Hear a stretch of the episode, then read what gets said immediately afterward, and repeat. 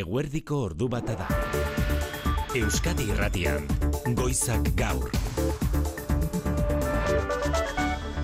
Arratsalde on deizuela guztioi atxekabea hitza motz gelditu da Lizarrako kaleetan goizean somatu dugun sentimentuarentzat. Gorpu aurkitu dituzte urbasan udabako begiralekuaren inguruan bilatzen ari ziren aita semeak. Zazpi urte besterik ez zituen Mateo txikiak. Gurasoak bananduta zeuden eta asteburua aitarekin igaro ostean atzo arratsaldean jaso bertzuen amak ikastolan, baina ikastolara joan gabe zegoen txikia. Poliziak ikerketarako darabilen hipotesien artean dago indarkeria bikarioa. Alegia, erasotzaileak kasu honetan aitak, ama suntsitzeko eraman duela mildegira zazpi urteko mutikoa.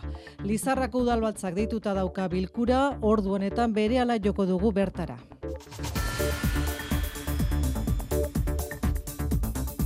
Zumarragan ere bada gaur nahikoa tristura emeretzi urteko gazte bat, duela bi urtetik osabarekin Bruselan bizizena, hilala bizi egoeran dago polizia atestatuaren arabera, Bruselako Molenbeek auzoko metro irteera batean, hogeita marren bat gaztek emandako jipoiaren ondorio. Zanaiarekin hitz egin du Euskadi irratiak. Bea, e, lurren botata, e, zen hau beteta, e, gehien izan zen, e, kolpe handi bat, sabur talde honi goran, eman zioten kolpe handi bat, e, patinente elektriko batekin, eta, bueno, suposatzen momentu horretan ja, e, konozimentua galdin zola.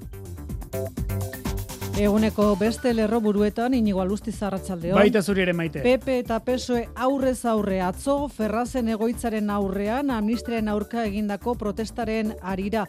Pepeko iturriek, alegia hau txikiarekin, argitu dute ez dagoela Pepe protesta hoien atzean, baina bereziki manifestarien aurka, Marlaska ministroak agindutako erantzun gogorrala, gogorra salatu du alderdi popularrak. Pesoek berriz dio, zain dagoela, noiz iritsiko den Peperen gaitzespena, Pesoeren egoitzek jasandako erasoengatik edo noiz iritsiko den Peperen gaitzespena Frankoren aldeko oiuengatik. Euskal Herrian ere hasi gara erreakzioak biltzen. Bart izandako protesta horiek egokiak iruditu zaizkio Javier de Andrés Euskadiko PPko presidente ber hautatu berriari. La reacción que yo tengo que calificar de muy sana porque le están mermando su libertad. Y creo que es muy bueno que haya una reacción Eusko Jaurlaritzak ordea elkar bizitzarako arriskua ikusten du amnistia legearen aurka azken orduotan egin diren deialdien atzean bingen zupiria. oso jarrera arriskutsuak iruditzen zaigu, ezinezkoa delako arrankoraren eta eta gorrotoaren gainean konbibentzia demokratiko bat e, eraikitzea. Ze jakiten da gauzak nun eta nola azten diren, baina askotan zaila izaten da non amaitu datiozkeen jakitzea. Tentsio giro honetan harremanetan bai, baina amnistia legeak zigorgabetu beharko lituzken hauzien inguruan ados jarri gabe jarraitzen dute Bruselan sozialistek eta Junsek akordiora iristeko epe muga jakinik gabe iturrien arabera. Bien bitartean Madrilen Espainiako ministroen kontseiluak behin betiko argi berde eman dio Loiolako kuartelak Donostiako udalari saltzeko akordioari eta pozikeneko goia alkatea. urte asko dira Donostiako udadak lur hoiek nahi zitu da hiria eraikitzen jarraitzeko eta orain dagokigu ba, amestea eta irudikatzea zein izango den etorkizuneko Donostia elementu hori barruan txartatzen dudarik. Ekialde hurbilean Hamasek Israelen aurka eraso egin eta hilabetera, Benjamin Netanyahu Israelgo lehen ministroak aurreratu du gerra amaitzean bere gain hartuko dutela Gazako segurtasunaren ardura epe muga jakinik gabe. I think Israel will, for uh, an indefinite period, will have the overall security responsibility because we've seen what Eta erantzi du pausa teknikoak baimendu arren suetenik ez duela onartuko jamasek baitutakoak askatu arte gaur esaterako lau orduko epea ireki du Israelgo armadak Gaza iparraldean harrapatuta dauden palestinarrak hegoaldera joan daitezen. Errepidezaren nagusian egoera zein da orduanetan Beatriz Zabaleta? Arratsaldeon ba istripu konturik ez da, baina arreta eskatu behar dugu bi pontutan. Bizkaia Nazional Seiru zazpi errepidean txorierriko bidean, sondikan, barakaldoruntz, matxuratutako auto bat e, bide bazterrean da, eta erreia itxita dago. Eta kamioiari da berriz traba egiten, apezortzian getarian, e, tunelerako, iru, e, tunelaren aurrean, irunerako bidean. Errepide zizketan hasi garela edo garraioaz esango dizuegu garraio publikoa sustatzeko helburuarekin zen neurri jasotzen dituen Bizkaiko Foru Aldundiak gaur aurkeztu duen planak. Horren arabera, plan horren arabera, 2008 zazpia baino lehen doakoak izango dira Bizkaiko garraio publikoan egiten diren garraio aldaketa edo transborduak asmo honen eta gainerako enxetasunak albistegi honetan. Jaione Munarriz, Euskalme eta Arratsaldeon. Kaixo, Arratsaldeon. Ateri aldago Jaione ordu honetan. Bai, une honetan orokorrean ateri eta gainera kantauri xurialdean eustarte zabalake nagusi dira. Dena den egoera zertxo baita aldatuz joango da datozen orduetan, izan ere aizea, oraindik ego mendebaletik badabil ere, ba, mendebal edo ipar mendebaldera aldatuko da, kostaldean bizi xamar ere ibiliko da erratxalde partean, eta aize horrek, ja, odeiguneak ebultzatuko ditu, beraz poliki-poliki kantauri xurialdean zerua lainotu joango da, eta zaparra batzuk ere botako ditu, bereziki hori bai, kostaldean eta inguruko zonaldeetan. Hau da, kantauri xuri bar kantauri xurialde barnealdean euria tartekatuago eta aulago egin dezake eta arabata nafarro erdi eta egualdean berriz ateri eutxiko dio. Horta zarratxaldean fronte batek batez ere kostaldean eragingo du. Temperaturaren jaitsiera ordea gaurre denean antzemango da eta giro hori bain nahiko hotza izango da batez ere barnealdean. Ondorioz gaur maksimoak amarreta mabos gradu artekoak izango dira. Ezkerrik asko jaione, Kiroleta, Jose Maria Paolaza, Beobia Donostia datorren igandean, berriz ere hogeita amar mila korrikalari baino gehiago. Bai, zortzigarren urtez jarraian gainera hogeita amar mila korrikalariren langa gaindituko da, berrogeita emez zortzigarren ekitaldia du, emakumezkoak euneko hogeita bederatzea izango dira.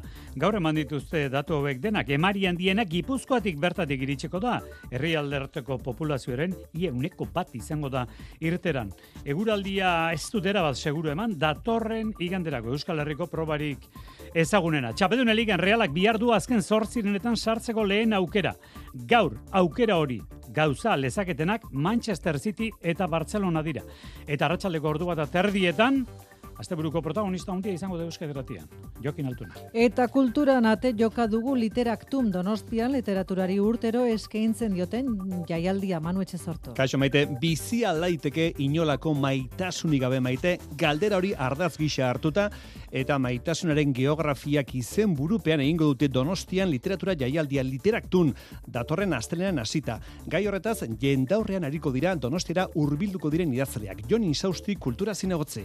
Eta hau jakina, ba, egingo dugu, ba, batzuetan zaia, ulertzen zaia egiten zaigun, ba, sentimendu bati buruz eh, hitz egiten, ez? Ba, bai, maitasunari buruz, maitasun ezari buruz edo desamodioari buruz ere. Izen nagusiak Jokon Dabeli, Antonio Muñoz Molina eta Patxi Zuizarreta idazleak itzaldi ez gain, literaktun jaialdian erakusketak izango dira antzerkia dantza eta bar, eta ez dute maite aztuko Mikel Aboailtzela aurten amabost urte direla. Ordu bata eta zortzi dira Mikel Retegi eta Mirari Egurtza teknikan eta errealizazioan.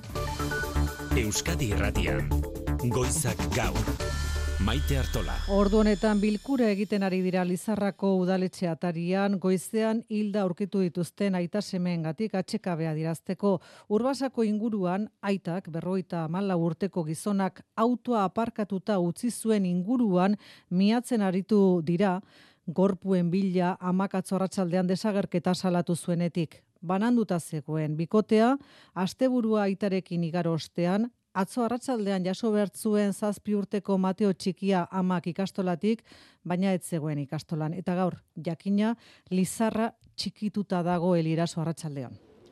Bai, arratsaldeon txikituta, hautsita, atxekabetuta, txalo artean bukatu berri da, bilkura, isiltasunean egin dute, baino malkoek eta negar zotinek hautsi dute isiltasun hori. Eunka lagun elkartu dira, Lizarrako udaletxe aurrean, banderak masta erdian direla, Mateo apestegia zazpi urteko mutiko gizara joa, eta haren ama eguzkine berrogeita sei urteko emakumearen sufrimendua gogoan, eta hitz egiteko adorea izan dutenen agotan. Oso mingarria da, oso mingarria da. E, e, herri txiki bat da, orduan denok ezagutzen dugu, oso hurbila da, orduan oso gogorra, gogorra da, benetan. A mí me ha parecido fatal, ¿qué quieres que te diga? Es, me parece fatal, que el que quiera matarse, que se mate.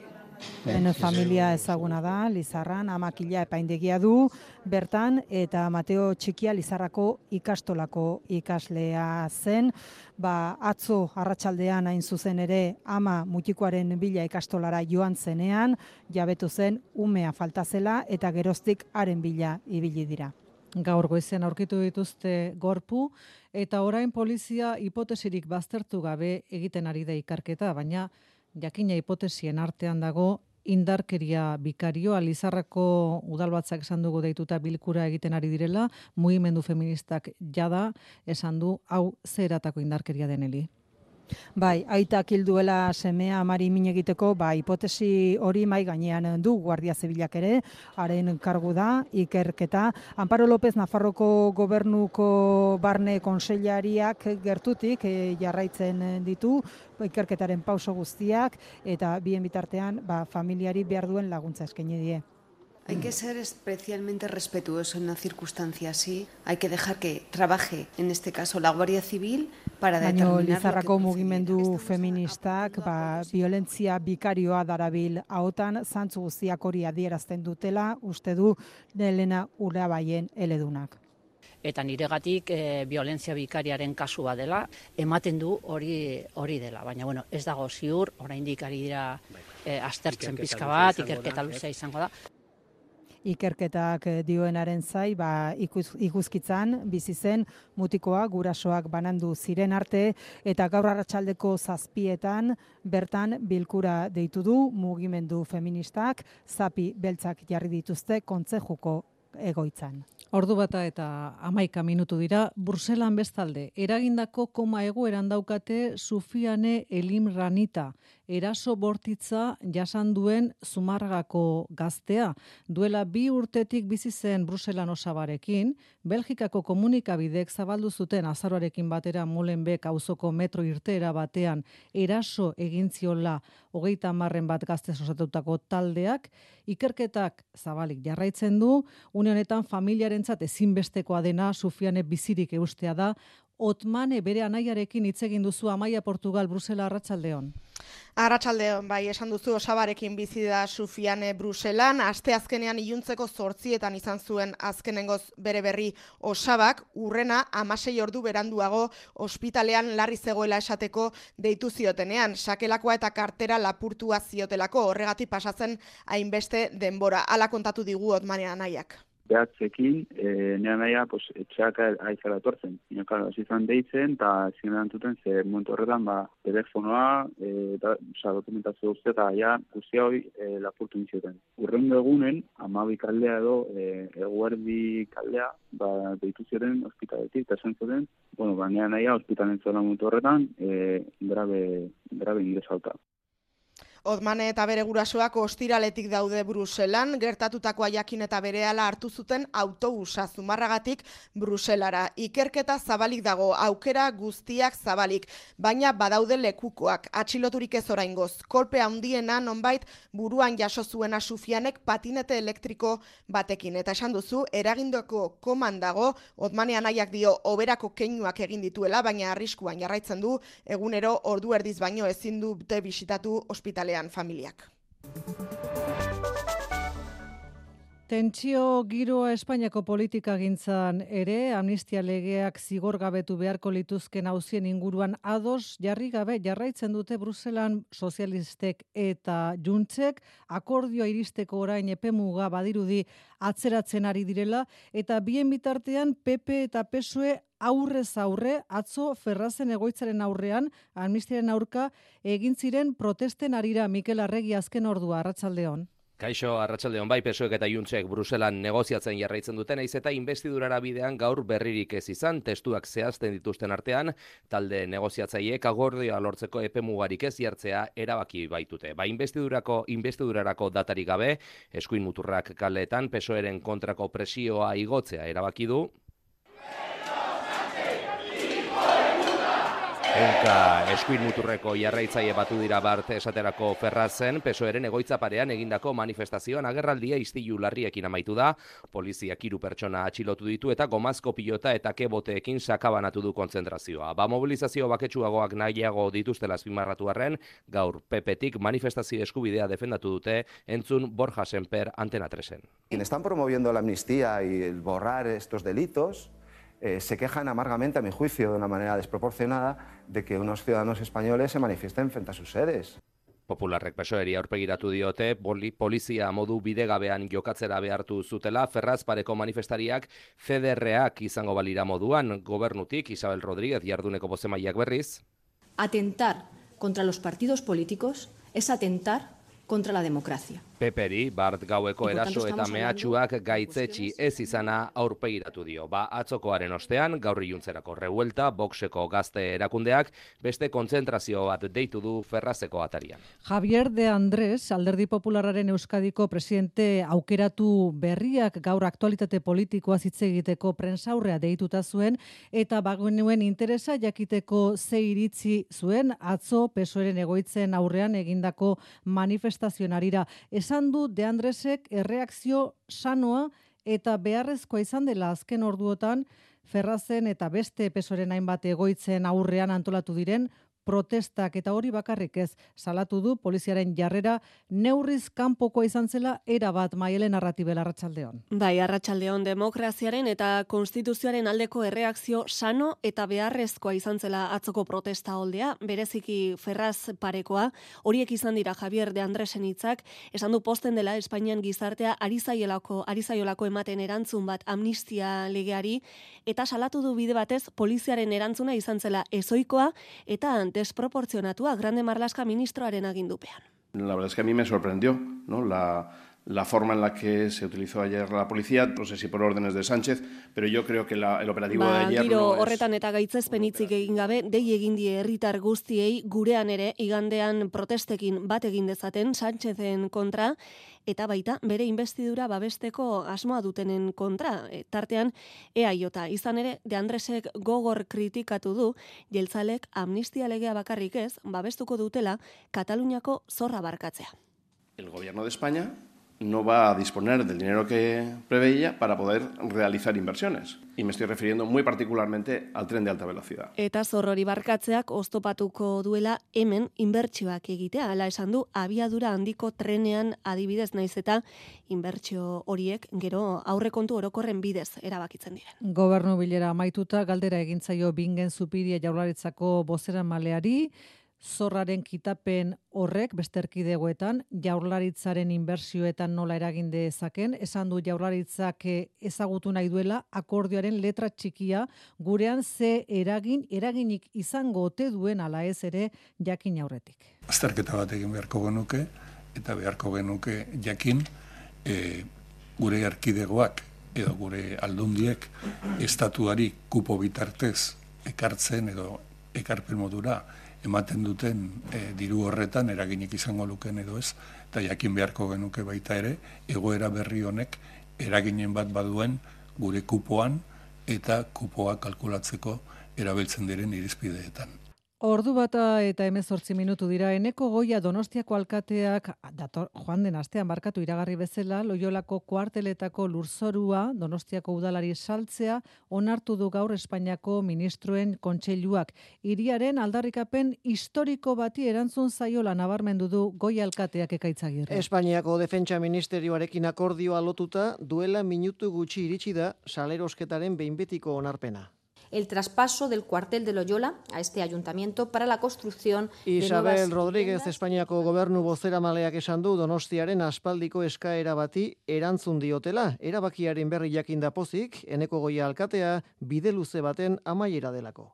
Urte asko dira Donostiako udadak lurroiek nahi zitu da iria e, eraikitzen jarraitzeko, eta asko kostatu da, baina azkenean bueno, errealitate bihurtzen da, atzera pausorik ez duen erabaki batekin, eta horregaitik ba, erabat pozik e, gaude, eta orain dagokigu ba, amestea eta irudikatzea zein izango den etorkizuneko donostia elementu hori barruan txartatzen dudarik. Irurogeita amairu milioi euro pasatxo ordainduko ditu udalak kuartelek hartzen duten amazazpi hektarea terdiko lur eremuaren truke lur sailorretan mila eta bosteun eta mila eta zazpieun etxe bizitza eraikitzea aurre ikusten dute eta baita ekipamendu eta berdegune berriak ere urumearen ibarrean auzune berri bat sortuz. Lau urteko epea dute militarrek, kuartelak usteko aurra ikuspena da, handik, ipikara edo loretokira leku aldatuko direla, horiek ere defentsa ministerioaren lursailak direlako. Bilbon larun baten egintzen manifestazioa mugarri izan zen arren, euskararen kontrako oldarraldia ez dela eten oartarazi du gaur euskalgintzaren kontseiluak eta horregatik hizkuntza eskubideak babesteko protokoloa aurkeztu du. Euskalgintzaren eta hizkuntza eskubideen defentsan antolatzeko eta saretzeko tresna gisa funtzionatuko duen protokoloa tokian tokiko erantzuna antolatzen lagunduko lukeena, udal, sindikatu, alderdi eta beste hainbat eragilerekin. Marijo de Gracias, Arratsaldeon. Arratsaldeon bai eta bi kasutan aktibatuko da protokoloa Manes Mantxolak azaldu du kontseiluko koordinatzaileak. Lehena, arau, kontratazio edo deialdi bati elegitea jartzen zaionean. Eta bigarrena, hizkuntza eskubideen eta euskararen normalizazioaren aurkako sententzien baten berri jasotakoan. Udalekin eta tokiko euskalgintzarenekin elkarlanean salaketa bateratu egitea adostuko da eta foru edo administrazio orokorragoekin berriz sindikatuekin. Hildo horretan, Idurre Eskizabel kontseiluko idazkari orokorrak dei egin die erakundeei elegiteak amaieraraino eraman ditzaten. Normalizazioaren kontrako epaiak jasotzen direnean, auzibide hoiei amaierarainoko bidea ematea. Eta bestetik, Euskararen normalizazioak behar dituen arau eta legeak abian jartzea. Automurrizketarik gabe. Eta alderdi politikoei eskatu die babes ditzatela hezkuntza politika ausartak egiteko erakundei egindako eskaria. Goizak gaur. Gaur hilabete urriaren zazpiko jamasen erasotik eta horren ostean Israelek inoizko erantzunik bortitzenarekin erantzun du Gaza etengabe bombakatu zamar mila palestinar baina goiago hildira eta horietatik erdiak adin txikikoak dira.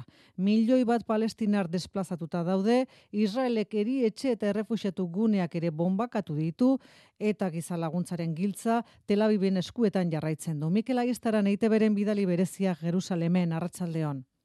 Arratxaldeon. Hau da hilabete honetan gerrak utzi duen argazkeren zati bat, Mikel, eta airez ez ezik Israelek lurreko inbasioarekin aurrera jarraitzen du.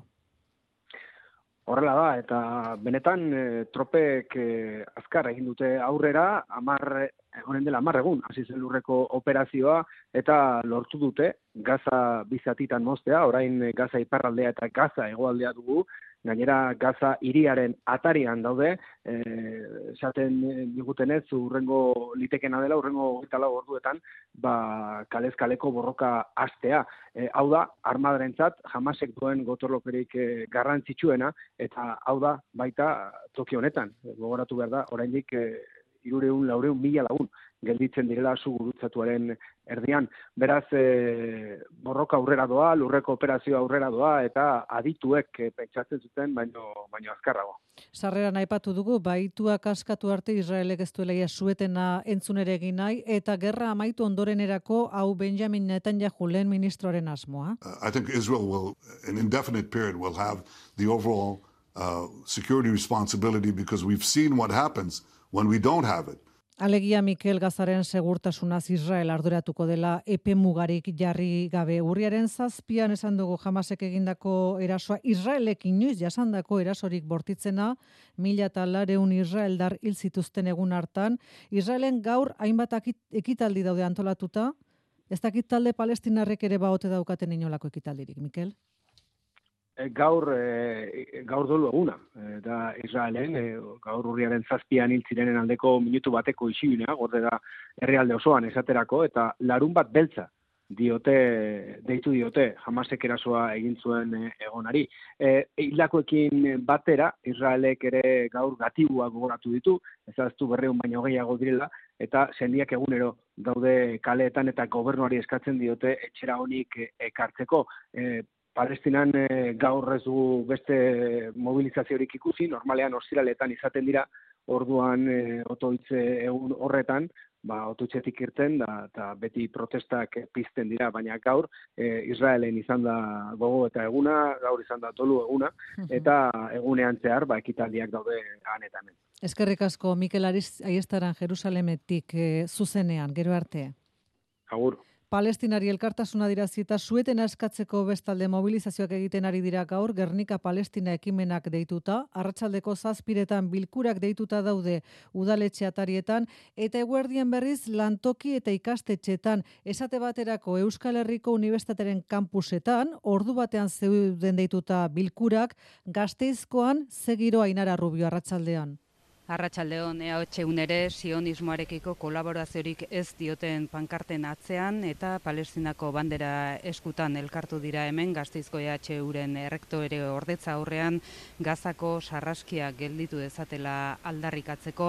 Une honetan esango dugu ertzaintzako hiru patrulla etorri direla baimen kontuak tarteko konzentrazioa disolbatu edo ez eztabaidatzen ari dira eta hainbat parte hartzaile identifikatu dituzte edozein kasutan gogoratu EHUren hiru kampusetan daudela ordu honetan konzentrazioak deituta. Arratsaldeko zazpietan berriz ego Euskal Herriko eunda zazpi herritan egingo dituzte bilkurak gazako sarraskia salatzeko. Ordu bata eta hogeita bost, bestalde lapurdin lau persona atxilotu dituzte goizak gaur. Espekulazioaren kontra joan den abenduan angelun egindako ekintza bati lotuta.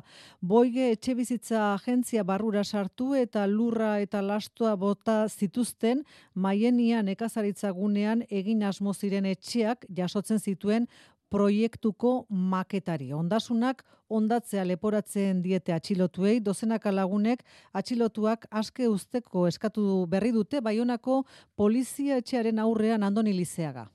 Iragan abenduan angeluko buigi igiezin agentzian sartu ziren ostia sareko hogeita markide kanboko marienia etxe bizitza egitasmoa salatzeko laborantza lurretan erekin nahi baitute. Egitasmoaren maketari lurra botazioten. Ondasunak suntsitzea leporatuta txilotu dituzte beraz Jakes Borteiru Dominika Dager, Janin Beiri eta Filipe Laskarai. Polizia etxeko atarien protesta bilkura. Uh, maketa txar bat dute dute utxire ungarria lurra bota gainetik. Eta oi someti labete geroago zinez goizko sei hontan itia etxera eta menotekin uh, esku uh, burdinekin eramaitera komisaldegira bo kesu eta betan hola ridikulo atxmaiten Komisarian segitzen dute laurek eta etxe bizitza egitasmoak, kanboko marienia etxe bizitza egitasmoak ez atzera ez aurrera segitzen du auzitegietan erabaki baten zain. Gai ezera bat aldatuta, robotikan izan diren berrikuntza teknologikoak azaldu ditu gaur donostian, teknaliak eta deigarri egintzaigu belaunaldi berriko robotak nolabait esateagatik ikusi eta kasu bakoitzean egin behar dena improvisatzeko gai direla. Teknaliaren egoitzan egin dute erakustaldia sisto iturriaga. Orain arte alde aurretik programatutako lan zehatz eta errepikakorrak egiteko diseinatu dituzte robotak, baina belaunaldi berriko makinekin aurrera urrats bat emango dutela azaldu du Jon Oñatibia Teknaliako fabrikazio malguko robotika arduradunak. Ba, robotikari buruz pentsatzen dugunean, ba, beti etortzen zaigu burura automozioko planta bat, non robotak e, denbora guztin operazio bereak dauden errepikatzen, soldadura bat, pintura, pintura edo ensamblaje bat, baina gure inguruko enpreseta balin bagoaz ikusten dugu oraindik gaur egun operazio asko asko eskuz egiten dienak, eta operazio asko arriskutsuak dienak. Piezen bizarrak keintzeko edota piezak lehundu eta margotzeko erabili daiteken makina bat erakutsi digu oinatibiak automatizazio adimenduaren adibide gisa. Iru D kamera bat jarri diote robotari eta horri esker gaida bere lan egiteko dena delako aurrean jarri dioten pieza, aldez aurretik eskuz programatu behar izan gabe. Kamera horrek pieza horren geometria kapturatzen du. Lortuko duna da, ba, edo zein pieza jarri alizatea robotaren aurrean eta automatikoki operazioiek sortzea. Eman dizkiogun begiekin, ba, ja, automatikoki rekonozitzen ditu piezak eta beak sortzen ditu trajektoriak. Besteak beste, pieza hundiak batetik bestera eramateko plataforma mugikorrak ere garatzen ari dira iru D ikusmenaren bidez, piezetan egon litezken akatsak antzemat ditzazketen ual garraiatzaileak, edota robotikan aditu esten langile batek errez programatzeko makinak ere.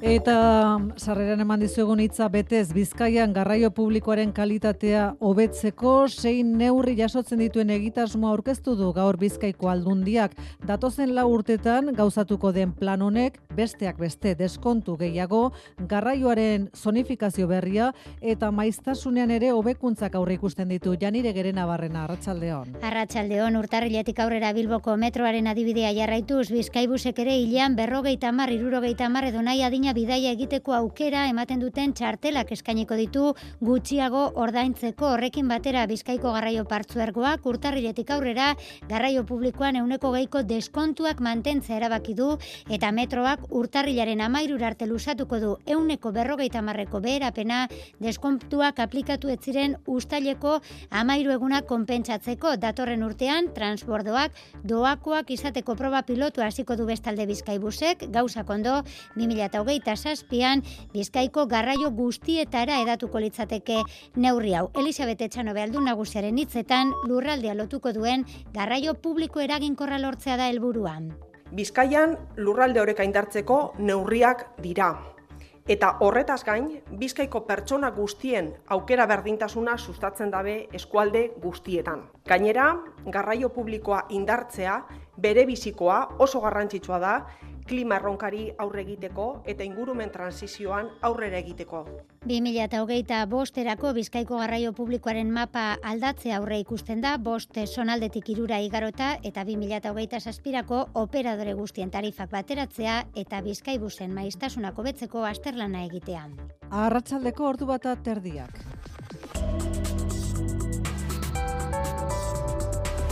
Euskadi Irratian eguraldia eta trafikoa. Errepidetan zeberri, Luis Eron. Bai, Donostiako eh, bai, bai, Gipuzkoa hogei errepidean, Donostian Poioeko tunel parean, errenteria bidean, eh, trafiko dentsitate handia dago matxuratu den ibilgailua eraman zen. Eta hausie urrengo orduetarako eguraldiaren pronostikoa.